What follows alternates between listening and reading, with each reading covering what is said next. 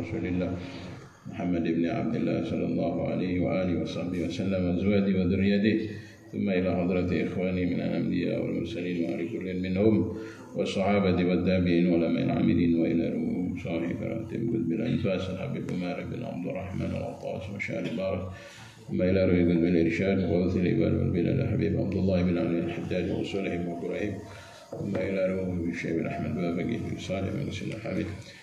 رسولهم وإبراهيم من الله تعالى يغفر لهم ويرحمهم بدرجاتهم بالجنة وينفعون بأسرارهم وأنوارهم وعلومهم ونفاتهم وبركاتهم في الدين والدنيا والآخرة. الفاتحة. بالله من الشيطان الرجيم. بسم الله الرحمن الرحيم. الحمد لله رب العالمين. الرحمن الرحيم مالك يوم الدين. إياك نعبد وإياك نستعين إهدنا الصراط المستقيم. صراط الذين أنعمت عليهم غير المغضوب عليهم ولا الضالين. بسم الله الرحمن الرحيم. بسم الله طريقي بسم الله طريقي الرحمن رفيقي الرحمن رفيقي الرحيم يحرسني. الرحيم يحفظني من كل شيء يلمسني. Ayatul Kursi. Kursi. Saifi. Hasbi Allahu. Tahassantu biyasin Awakal ala Allah. Wasilu Saluhiya. Asli Dha Salhu Dha وخشعت الأصوات وأشعت الأصوات للرحمن الرحمن ألا تسمع لا تسمع إلا همسا إلا همسا يا طيطوال يا ليت احجب عني واحجب عني شر الجن شر الجن والإنس بحرمة من يقول للشيء كن فيكون بسر سرك المسؤول وعلمك المكنون وما في حكمك المحزون عن العيون سخر لي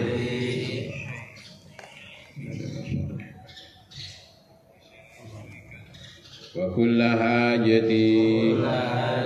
يا من لا يعجزه شيء. سخر لي كل شيء. أقسمت عليكم بما دعا الله به على السماوات والأرضين. فقالتا علينا طائعين. وإنه إنه لقسم قسم لو تعلمون عظيم. تعلمون عظيم وصلى الله على سيدنا محمد. وصلى الله على سيدنا محمد وآله وصحبه وسلم وآله وصحبه وسلم. بسم الله الرحمن الرحيم. نويت التعلم والتعليم. والتذكر والتذكير والنفع والانتفاع والإفادة والاستفادة على التمسك بكتاب الله وسنة رسوله صلى الله عليه وسلم. والدعاء إلى الهدى والدلالة على الخير وابتغاء وجه الله ومرضاته وقربه وثوابه سبحانه وتعالى. الحمد لله. اللهم صل على سيدنا محمد الفاتح لما أغلق. والخاتم لما سبق. ناصر الحق بالحق والهادي إلى صراطك المستقيم. وعلى آله وصحبه حق ومقداره العظيم.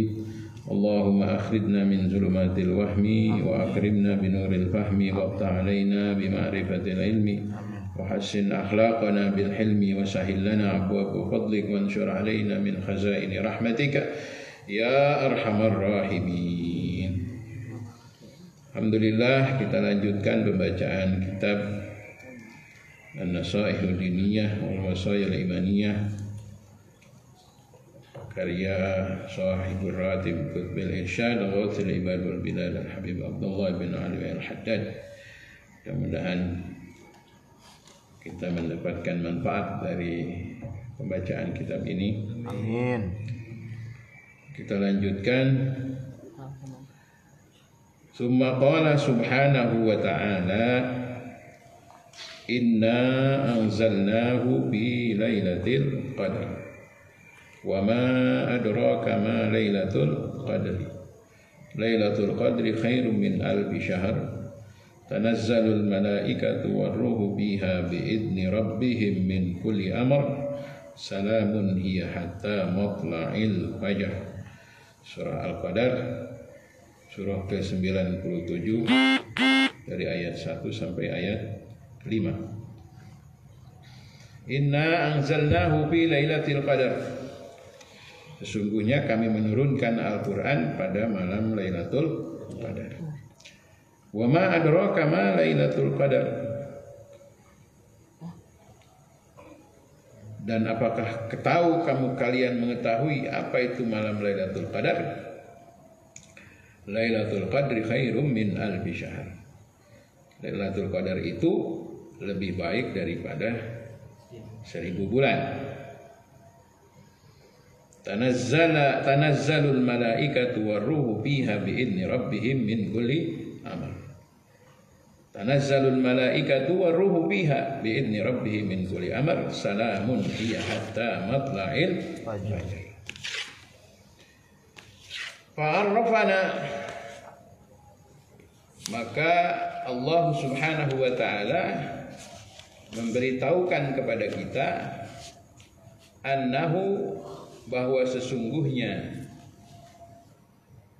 Allah Subhanahu wa taala anzalal Qur'ana fi Ramadan. Telah menurunkan Al-Qur'an fi Ramadan pada bulan Ramadan.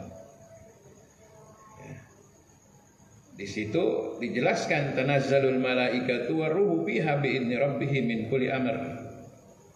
Ya, bahwa yang membawa Al-Quran menurunkan Al-Quran adalah malaikat Jibril dengan izin Allah Subhanahu wa taala pada bulan Ramadan.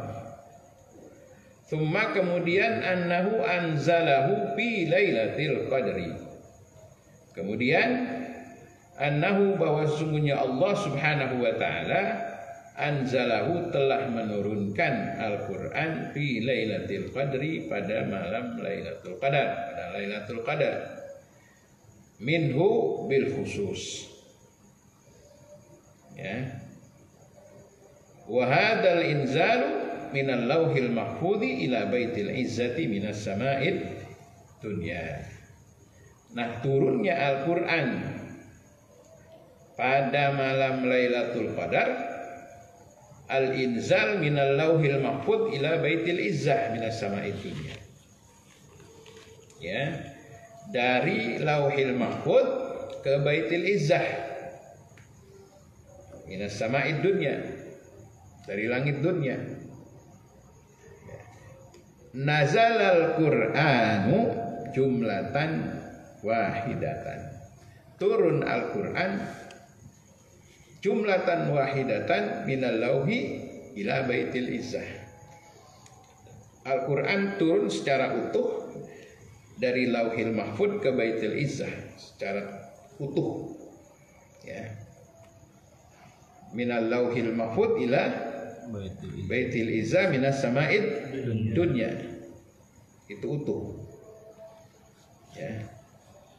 Nazal al-Quran jumlatan wahidatan minal lauhi ila baitil Islam. Wa nazala bihi Jibril dan turun dengan Al-Quran siapa Jibril malaikat Jibril bi amrillahi dengan perintah dari Allah Subhanahu wa taala ala rasulihi kepada rasulnya Nabi kita Muhammad sallallahu alaihi wasallam mufarraqan fi nahwi salasin wa ishrina sanatan. Nah, Quran itu diturunkan oleh Allah melalui malaikat Jibril kepada yang mulia baginda Nabi kita Muhammad sallallahu alaihi wasallam mufarraqan secara berkala, secara bertahap. Fi nahwi salasin wa ishrina sanatan. Selama 23 tahun. Ya. Dari mulai wahyu yang pertama turun ketika Nabi berumur berusia 40 tahun. Di mana? Di Gua Hiro. Apa ayat yang pertama yang turun? Iqra. Dari mulai itu Allah menurunkan Al-Qur'an melalui malaikat Jibril mufarraqan ya, secara terpisah ya dari mulai Iqra Ya Muhammad Iqra Ya Muhammad Iqra. Nabi menjawab Ma ana biqari Iqra ya Muhammad. Lalu Nabi didekat. Disikap oleh malaikat Jibril. Lalu kemudian Iqra ya Muhammad Iqra. Bismi rabbika alladhi khalaq khalaqal insana min 'alaq. Iqra wa rabbukal akram alladhi 'allama bil qalam. 'allamal insana ma lam Itu yang pertama turun. Terus sejak itu Al-Quran turun secara berkala, secara berpisah selama 23 tahun sampai Nabi kita Muhammad Shallallahu Alaihi Wasallam. Ayat yang terakhir itu turun dikisahkan Al-yawma akmaltu lakum dinakum wa atmamtu alaikum ni'mati wa raditu lakumul Islam. Ya, jadi dari mulai Iqra bismi rabbikal ladzi khalaq khalaqal insana min 'alaq Iqra wa rabbukal akram alladzi 'allama bil sampai wahyu yang turun yang terakhir turun Al yauma akmaltu lakum dinakum wa atmamtu 'alaikum ni'mati wa raditu lakumul Islam Nah, kalau turun dari Lauhil Mahfud ke Baitul Izzah minas sama'i dunya itu keseluruhan. Ini yang turunnya pada malam Lailatul Qadar. Mulianya syahrul Ramadan karena turunnya Al-Qur'an kepada baginda yang mulia Nabi kita Muhammad sallallahu alaihi wasallam.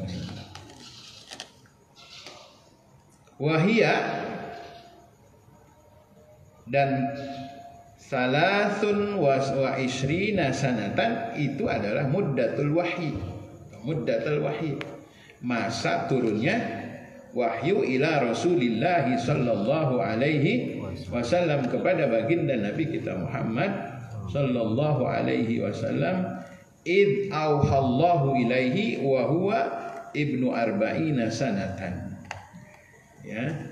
Ketika Allah Subhanahu wa taala mewahyukan Al-Qur'an melalui malaikat Jibril kepada yang mulia baginda, baginda Nabi kita Muhammad Shallallahu Alaihi Wasallam wahwa dan Nabi ketika itu berumur ibnu arba'ina sanatan 40 tahun. Mendapatkan wahyu 40 tahun. Gimana tuh syairnya yang dikarang sama itu pada umur 40 Gimana Pak? mempersatu kan Bukan. Mendapatkan risalah. Ada tuh ya Umur 40 tahun. Rohatil atiyaru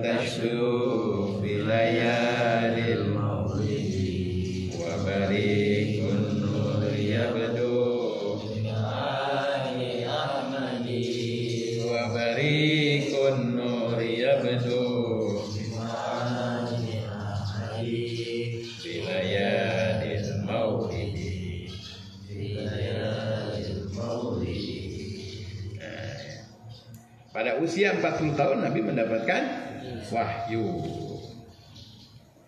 Wa qubida alaihi salatu wassalam dan baginda yang mulia Nabi kita Muhammad sallallahu alaihi wasallam wafat pada umur salaan salasin wasittina sanatan pada umur 63 tahun. Jadi wahyu turun 40, beliau wafat pada usia 63 masa turunnya wahyu sejak wahyu pertama sampai terakhir 6 eh, 23 23 tahun.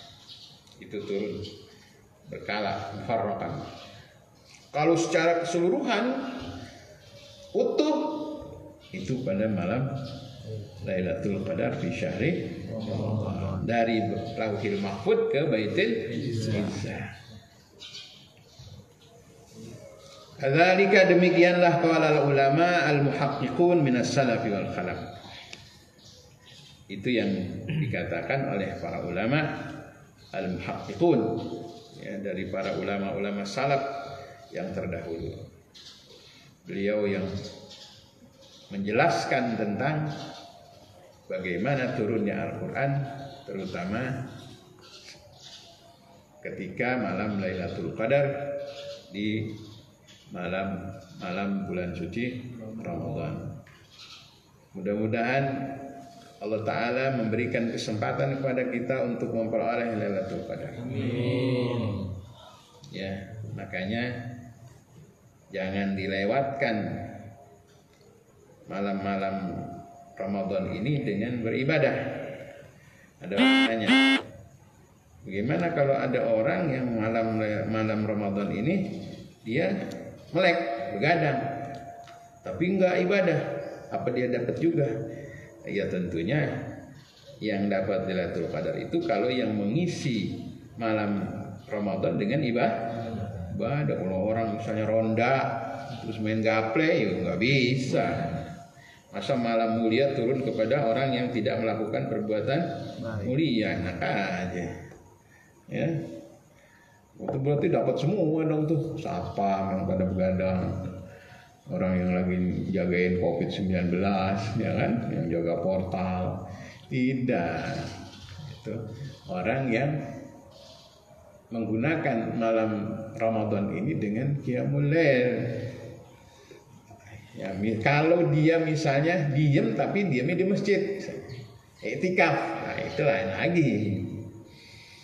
Ya, diniatkan etika. Nah, kalau sekarang bagaimana misalnya dia tugas ronda misalnya, ya silahkan aja ronda. Coba bagaimana supaya rondanya itu ada nilai ibadah ya dia sambil jaga dia baca Quran. Ya. Jangan kadang-kadang kan gitu. Godaannya kalau orang ronda giliran baca Quran ngantuk. Kalau lihat HP sugar. sugar. Dulu kan waktu belum ada Covid nih, bulan Ramadan tuh ada Piala Dunia tuh ya. Hmm. Tahun berapa tuh? 2012. Eh? 2014. Iya, Piala Dunia. Orang pada begadang nungguin Piala Dunia. Apa itu dapat? Ya enak bener kalau orang nonton bola dari dapat. Gak ada lah kemuliaan masa diberikan kepada perbuatan yang tidak mulia ya salah tempat sesuatu yang istimewa pasti diberikan kepada orang-orang istimewa. Itu. Jangan disia-siakan. Kita baca Quran. Udahlah kita tidur malam kan cukup 11 bulan. Ramadan ini ya kalau bisa tidur malamnya dikurangi. Kalau mau tidur lebih awal misalnya baik tidur lebih awal selesai taraweh baca Quran dulu sebentar maka ya satu juz atau kurang dari satu juz. Tidur dari lebih awal tapi bangunnya lebih awal lagi. Begitu bang. Tidur misalnya jam 10 jam 2 udah bangun. Jangan tidur jam 10 bangun jam 4 ya. Makan sahur doang. Ya. Kalau tidur lebih awal bangun lebih awal Memang bagusnya begitu, di, di, dilatih. Jangan dibiasakan apa namanya tidur larut malam sehingga subuhnya kesiangan ya Allah. Jangan itu nggak bagus. Tidur lebih awal tapi jam 2 sudah bangun jam setengah tiga. Ya kita sholat tahajud kita sholat tasbih. Gimana tuh kan udah witir nggak apa-apa witir yang sudah kita lakukan untuk sholat apa setelah taraweh ya itu penutup taraweh nanti witir lagi nggak usah witirnya sudah Kalau ditambahin witir lagi, berarti ini genap dan witir. Ya, witirnya sudah. Nah, ini kan ada dua sahabat yang bersikap berbeda tentang witir.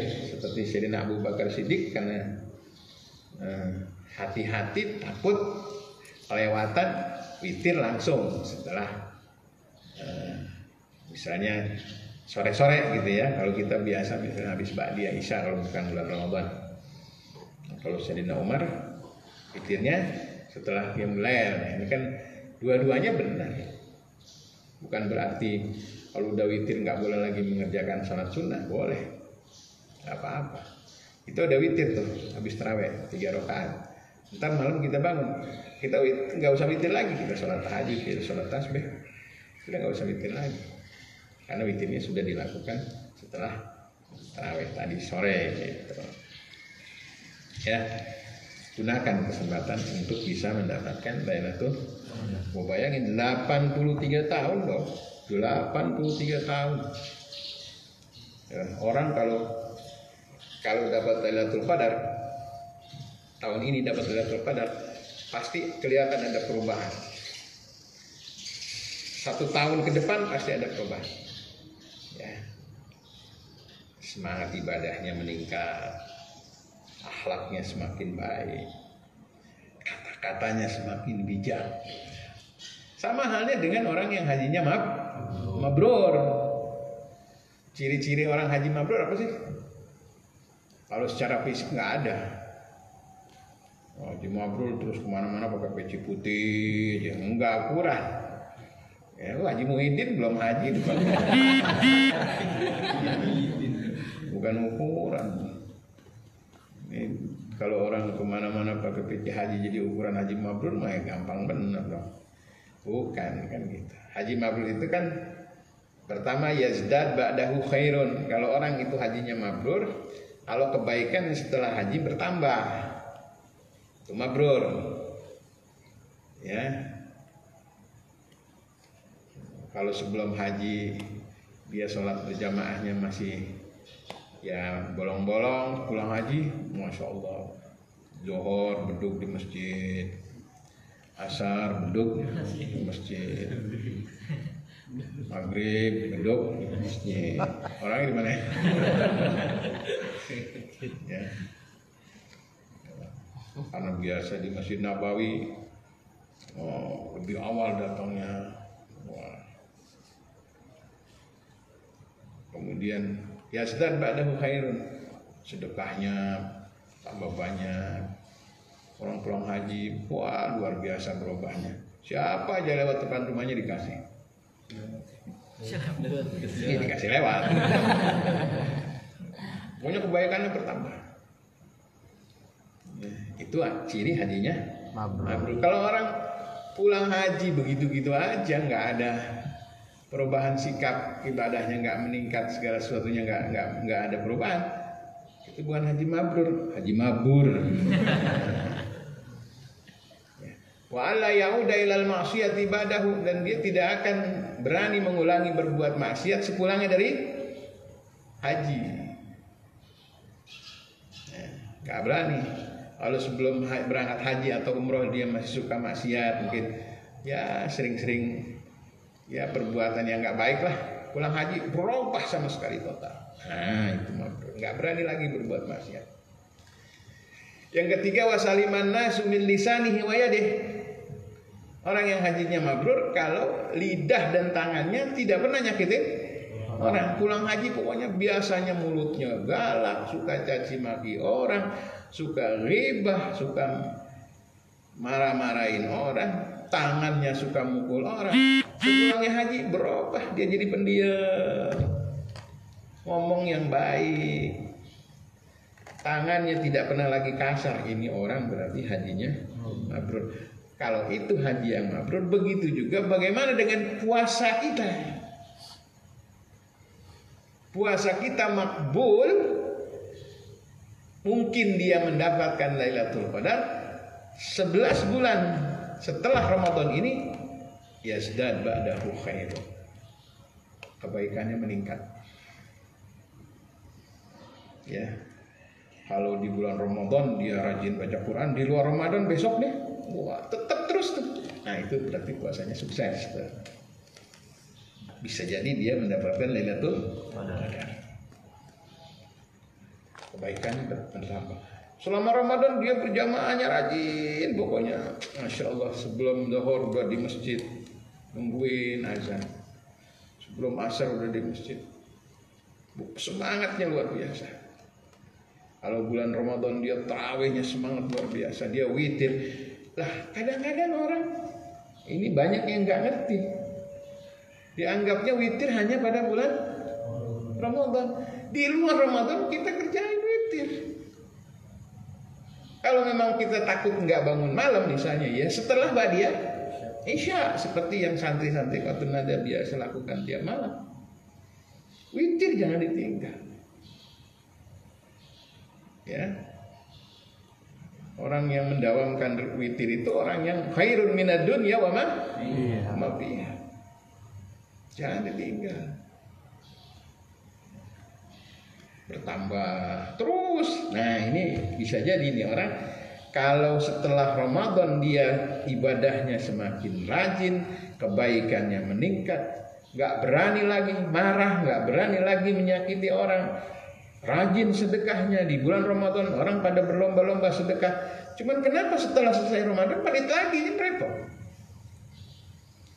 Ini kita ibadah masih masih teriming-iming dengan pahala yang lebih besar. Ya, jadi sedekahnya masih berpikir kalau gue sedekah bulan puasa balasannya sekian. Kalau di di luar bulan puasa sekian ntar aja mungkin puasa. Nah, ya, ya. enggak enggak sebegitu. Justru Ramadan satu bulan ini kita lagi di, diobatin nih ibarat ibarat apa? Eh, kepompong. Pompong itu apa? Itu ulat. Kalau orang Betawi bilang ular. Kulit. ulat ulat ulat bulu. Nah, ulat. Ulat bulu itu masuk ke dalam kepompong berhari-hari berminggu-minggu nggak makan nggak minum membungkus dirinya mempuasakan dirinya. Ulat itu di dalam kepompong. Setelah keluar dari kepompong dia menjadi kupu-kupu yang yang indah. Warnanya bagus bisa terbang. Kupu-kupu itu dari apa rasanya? Ulat kenapa bisa terbang dan indah? Karena dia menjaga dirinya selama di kepompong. Nggak makan nggak minum puasa betul-betul. Dibungkus. Ya. Gagal mati. Nah, gitu. Selama di kepompong gagal mati. Kalau dia sukses selama di kepompong dia bisa terbang jadilah kupu-kupu yang indah. Dicari orang dijadikan foto. Hinggap dari bunga ke bunga Nah, kita Ramadan ini lagi digambarkan seperti ulat yang dalam kepompong nih, makan diatur. Sebetulnya kan bukan nggak boleh makan kan? Ya, boleh, cuman yang tadinya siang dirubah jadi malam. Ya, jangan harus berubah sebetulnya. Ini kan puasa kita kan begitu tuh. Awal Ramadan kita nimbang berat 80. Begitu satu sawal berat 90. Sebulan nambahnya Bergila. 10. Wong nindain madang doang dari malam ke siang. Porsinya lebih-lebih. Biasa bulan lain gak ada kolok, nih kolok. Iqbal udah malam masih goreng telur. Udah mau tidur masih makan. Bagaimana kamu gemuk? Besok Idul Fitri nambah 10 kilo. Nah, nggak bar bercanda bang. Ya, jadi begitu tuh. Jadi puasa kita sebatas mindain waktu makan. Harusnya kan makan justru dikurangi supaya ibadah lebih semangat. Ya, sahur, sahur tetap itu sunnah ya. Karena tasaharu fa inna fi sahur barakah.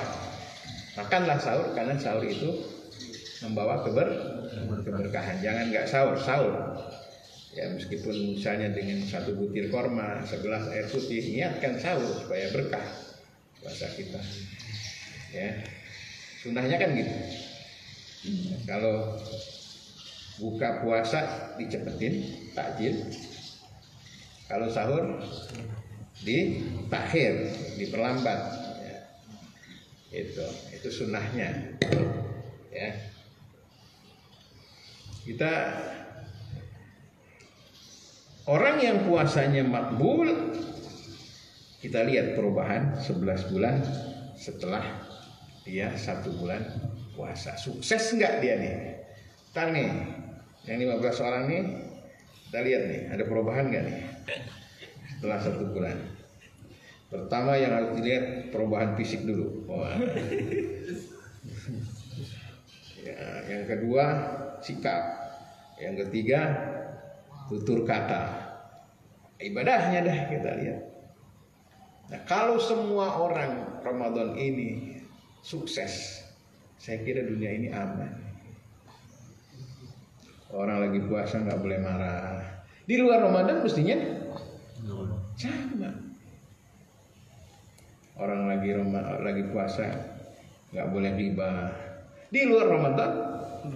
Ini lagi diatur ini. Semua orang akan baik dengan suksesnya pelaksanaan puasa Ramadan maka akan menjadikan orang-orang menjadi muttaqin orang-orang yang tetap bertakwa. Wa fi Ramadan ay wa fi fi wa fi syahri Ramadan. Qala Rasulullah sallallahu alaihi wasallam Wa fi fadli syahri Ramadan qala Rasulullah sallallahu alaihi wasallam dan pada keutamaan bulan suci Ramadan qala Rasulullah sallallahu alaihi wasallam bersabda baginda yang mulia Nabi kita Muhammad sallallahu alaihi wasallam Ramadan ila Ramadan wal jum'atu ila jum'ah was salatu ila salah mukaffiratun lima bainahunna idaj tunibatil kabair. Ramadan ini ada fadailnya, ada keistimewaannya. Di antaranya Rasulullah Shallallahu Alaihi Wasallam bersabda, Ramadan ila Ramadan, satu Ramadan ke Ramadan berikutnya. Jadi Ramadan tahun ini sampai Ramadan berikutnya tahun depan. Wal Jum'atu ilal Jum'ah dan Jumat minggu ini sampai Jumat minggu depan wassalatu ila salah antara waktu-waktu salat jadi salat subuh sampai waktu zuhur zuhur sampai waktu asar asar sampai waktu maghrib maghrib sampai waktu isya isya sampai waktu nah di antara waktu-waktu salat itu mukafirat ada penghapusan dosa kalau kita sholat maghrib kita dihapus dosa kita sampai waktu isya. Kalau kita sholat isya, dosa kita dihapus sampai waktu subuh. Kalau waktu kita sholat subuh, maka dosa kita akan dihapus sampai waktu duhur. Kalau kita melaksanakan sholat duhur, dosa kita akan dihapus sampai waktu asar. Kalau kita melaksanakan sholat asar, dosa kita akan dihapus sampai waktu maghrib begitu. Kita melakukan sholat Jumat minggu ini, dihapus dosa kita sampai minggu ke depan. Kita sempurna puasa Ramadan kita tahun ini dihapus sampai satu tahun Ramadan berikutnya. Ya. Man shoma Ramadan imanan wa ihtisaban ghufira lahu ma taqaddama min ya, bersih dihapus dosa kita satu tahun. Tapi dengan catatan idaj tuni batil kabair. Apabila dosa-dosa yang besar dihindari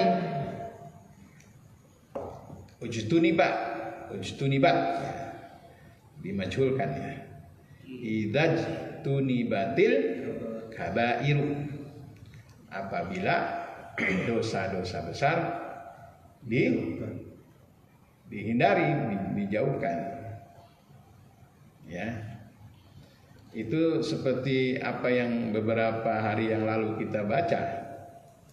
Innal hasanat.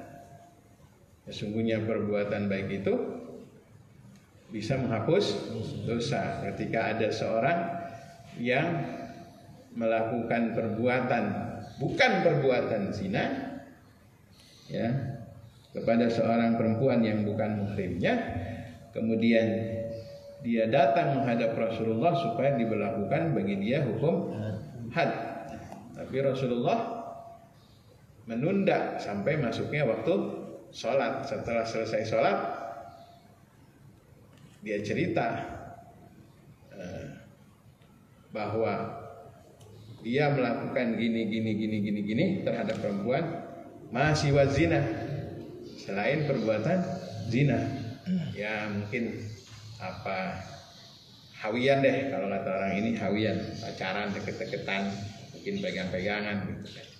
Tapi tidak sampai melakukan perbuatan zina nah dengan wudhu dengan sholat itu tidak ada had kalau tidak sampai melakukan perbuatan zina. Sekedar tidak diberlakukan harus misalnya dirajam tidak. Tapi bukan berarti kemudian seenaknya orang wah ntar juga dengan wudhu hilang besok ngulangin lagi wah itu salah syaratnya harus dengan taubatan nasuha gitu. Akan dihapus dengan kebaikan dengan ibadah kita dengan wudhu dengan sholat kalau dia melakukan taubat. Tidak berani mengulangi lagi. Bukan berarti dengan wudhu bersih dengan sholat bersih besok ngulangin lagi. Lah itu main-main namanya. Nggak boleh kayak gitu. Meskipun tidak ada had tapi bukan berarti jadi ada unsur ngeremehin nggak boleh. Nggak boleh. Siapa yang berani menjamin sebelum kita tobat kemudian kita masih hidup? Segala perbuatan dosa meskipun dosa-dosa kecil dihindari. Tapi dengan melaksanakan puasa di bulan Ramadan dengan sempurna kata Nabi, ar-Ramadan Ramadan ila Ramadan wal jum'ah ila jum'ah was salah ila salah mukaffiratun lima bainahuma idza batil kabair. Apabila dihindari perbuatan-perbuatan dosa-dosa besar Ya, ini berarti tidak termasuk dosa-dosa besar. Kalau dosa besar ada caranya sendiri untuk bertaubat. Ya. Wa qala alaihi salatu wassalam dan bersabda baginda Nabi kita Muhammad sallallahu alaihi wasallam di syahri Ramadan pada bulan Ramadan huwa syahru sabri Ramadan itu adalah bulan sabar. Wasabru sawabuhul jannah dan sabar itu balasannya adalah surga. Ya, ini bulan sabar nih. Sabar menahan lapar, sabar menahan haus ya. Makanya as-sawab biqadri ta'ab. Orang semakin berat puasanya semakin besar pahalanya karena dia sabarnya bertambah gitu loh. Sama-sama puasa. Sama-sama puasa nih. Iqbal puasa, tapi Iqbal di dalam rumah aja. Pakai AC, dingin. Ya. Satu lagi musbik puasa, tapi dia harus kerja. Kerja keras nyari nafkah. Melihat teman-temannya nggak pada puasa. Siang-siang pada makan indomie rebus di atas aja telur. Pakai secim pakai bawang goreng. Oh, sebelahnya teh es manis. Jam 12 perut lagi. Sedang-sedang ya. Sementara dia lagi lapar temannya pada makan. Hmm, kita sekarang aja nelan elu udah pada apalagi jam 12 kan. Eh? dia sabar tuh. Lagi puasa dia lihat aduh. Nah yang satu Iqbal puasa juga. Tapi di rumah kamar pakai AC tidur sampingnya ada istrinya. Menghayal dah gitu kan. Nah, apa sama nih nilai ibadahnya? Nilai puasanya sama, tapi yang lebih bagi muslim apa? Pahala sabar. Makanya as-sawab biqadri gitu. Balasan itu dilihat dari sejauh mana dia merasakan lelahnya. Semakin dia lelah, semakin sabar, berarti semakin banyak pahala sabarnya. Kayak misalnya puasanya orang yang di Cipanas misalnya. Orang Cipanas kan dingin gitu kan. Sama puasa orang yang di Tanjung Priok. Sama puasanya. Tapi tantangan sabarnya lebih besar yang di Tanjung Priok. Dapat pahala lebih, pahala sabar. Makanya itu Ramadan Syahrul Saumi. Bulan sabar. Sabar. Ya kan kalau kalau di daerah-daerah kayak begitu kan udah panas, kadang-kadang banyak orang yang yang ya namanya banyak bekerja keras dan lain sebagainya. Kalau di kampung yang sejuk di gunung orang adem. Nah, jadi yang menambahkan nilai puasanya, nilai kesabaran dia menghadapi tantangan di dalam menjalankan ibadah. ibadah. Ya, kayak kita nih di Indonesia puasa maksimal berapa jam? 13 dari jam setengah lima ya misalnya ya. Sekarang jam 4 lewat 26 ya. Subuh jam 4 lewat 36 ya, Subuh imsaknya jam 4.26 Subuhnya 36 Maghrib jam 5 51 Tahu bener ya? Tahu bener Iqbal waktu maghrib? Aduh Apal dia kalau waktu puasa maghrib jam berapa ya? Ya, Kayak dodok ngeliatin jam terus. Ya. Nah kita paling puasa jam jam setengah lima deh setengah lima sampai setengah enam. Setengah lima setengah enam berapa? Setengah lima sampai setengah enam. Hah? 13 jam. 13 jam 14 jam. Udah maksimal 13 jam. Ya tapi orang-orang yang di Eropa di Amerika di apa? Itu siangnya bisa lebih panjang. Kalau kita 13 jam. Ada yang puasa cuman di daerah mana ya? Saya pernah baca ya. Jadi waktu dia buka dia puasa taraweh nggak beberapa jam berikutnya sahur. Coba pak, kuat nggak bal kira-kira? Ya. Lebih lama waktunya. Kalau kita kan enak, hidupnya di daerah Katolis, Istiwa. Ya, Katolis Istiwa. Khatul Istiwa garis tengah hot itu kan garis istiwa tengah hotul istiwa di, di bahasa Indonesia kan jadi katulistiwa padahal artinya hotul istiwa garis tengah. Kita ini berada di tengah-tengah bumi. Hotul istiwa. Makanya iklimnya hebat. Indonesia ini hebat iklimnya. Nggak terlalu panas nggak terlalu dingin. Ya. Kita ini daerahnya enak, sejuk. Paling enak deh Indonesia deh. Orang bersyukur tinggal di Indonesia. Musim banyak ya kan? Musim duren, musim rambutan. ya. Udah paling nikmat kita hidup di Indonesia. Paling enak deh. Puasa nggak terlalu lama, antara siang dan malam hampir sama. Udah paling enak. Jangan sekali-kali mengkhianati bangsa sendiri. Kita hidup di sini, makan minum di sini, kita meninggal di sini. Kita jaga bumi kita Indonesia ini. Jangan jadi pengkhianat di negeri sendiri. Tak boleh. Kita harus jaga keutuhan negara kita Indonesia NKRI. Nah, ini penting. Penting banget. Ya. Jadi begitu. Paling nikmat kita. Di negara-negara lain berat puasa karena siangnya terlalu lama. Nah, semakin berat tantangan orang yang berpuasa berarti pahala sabarnya yang dia dapat. Ya. Kayaknya bal kalau pengen gedean puasanya pindah dong selama Ramadan di sono. Apa ke Italia apa ke ya. Jangan lagi banyak Covid-19. Bekasi. Atau di Bekasi, Bal. Panas. Bekasi juga udah banyak udah panas tuh daerah Bekasi tuh. Ya. Wasabru dan kesabaran itu sawabul jannah. Balasannya adalah surga. Sabar nggak makan, sabar nggak minum, sabar menahan nafsu, sabar menahan amarah. Itu balasannya. Pahalanya adalah surga. Wa qala fihi dan baginda Rasul Shallallahu Alaihi Wasallam juga bersabda awaluhu rahmatun awalnya bagian pertama 10 hari pertama puasa adalah rahmat.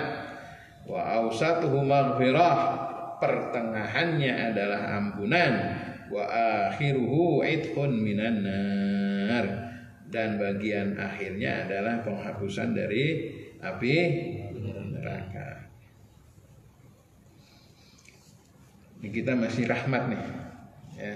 Masih dalam tahap 10 hari terakhir per- pertama rahmah ya. nanti yang kedua maghfirah oh sekarang masih pada semangat semua nih ntar udah pertengahan udah mulai kendor tuh ya Ya, kalau boleh puasa, kalau boleh terawih di masjid, udah kalau udah pertengahan sudah mulai ada kemajuan sedikit. Softnya. Oh, kalau awal-awal kan penuh. Wah, pertengahan udah mulai maju dikit. dikit. Wa akhiruhu itqun. Nah, yang yang terakhir nih yang berat. Ya.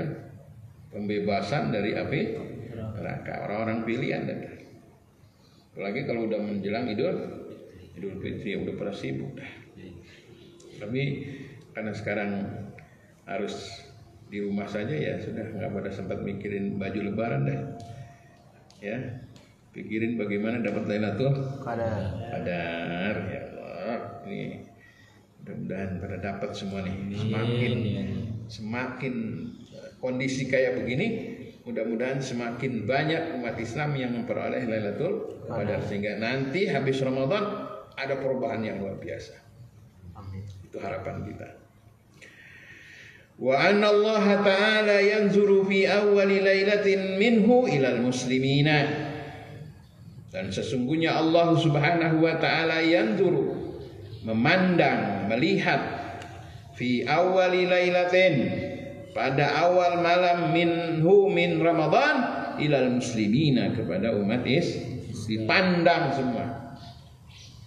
Ya alayallah bin nadrah min al-aini rahima tudawi kullama bi min amradin saqima bin nadrah ya ada lagi Eh, wandur ilaina ya tawwab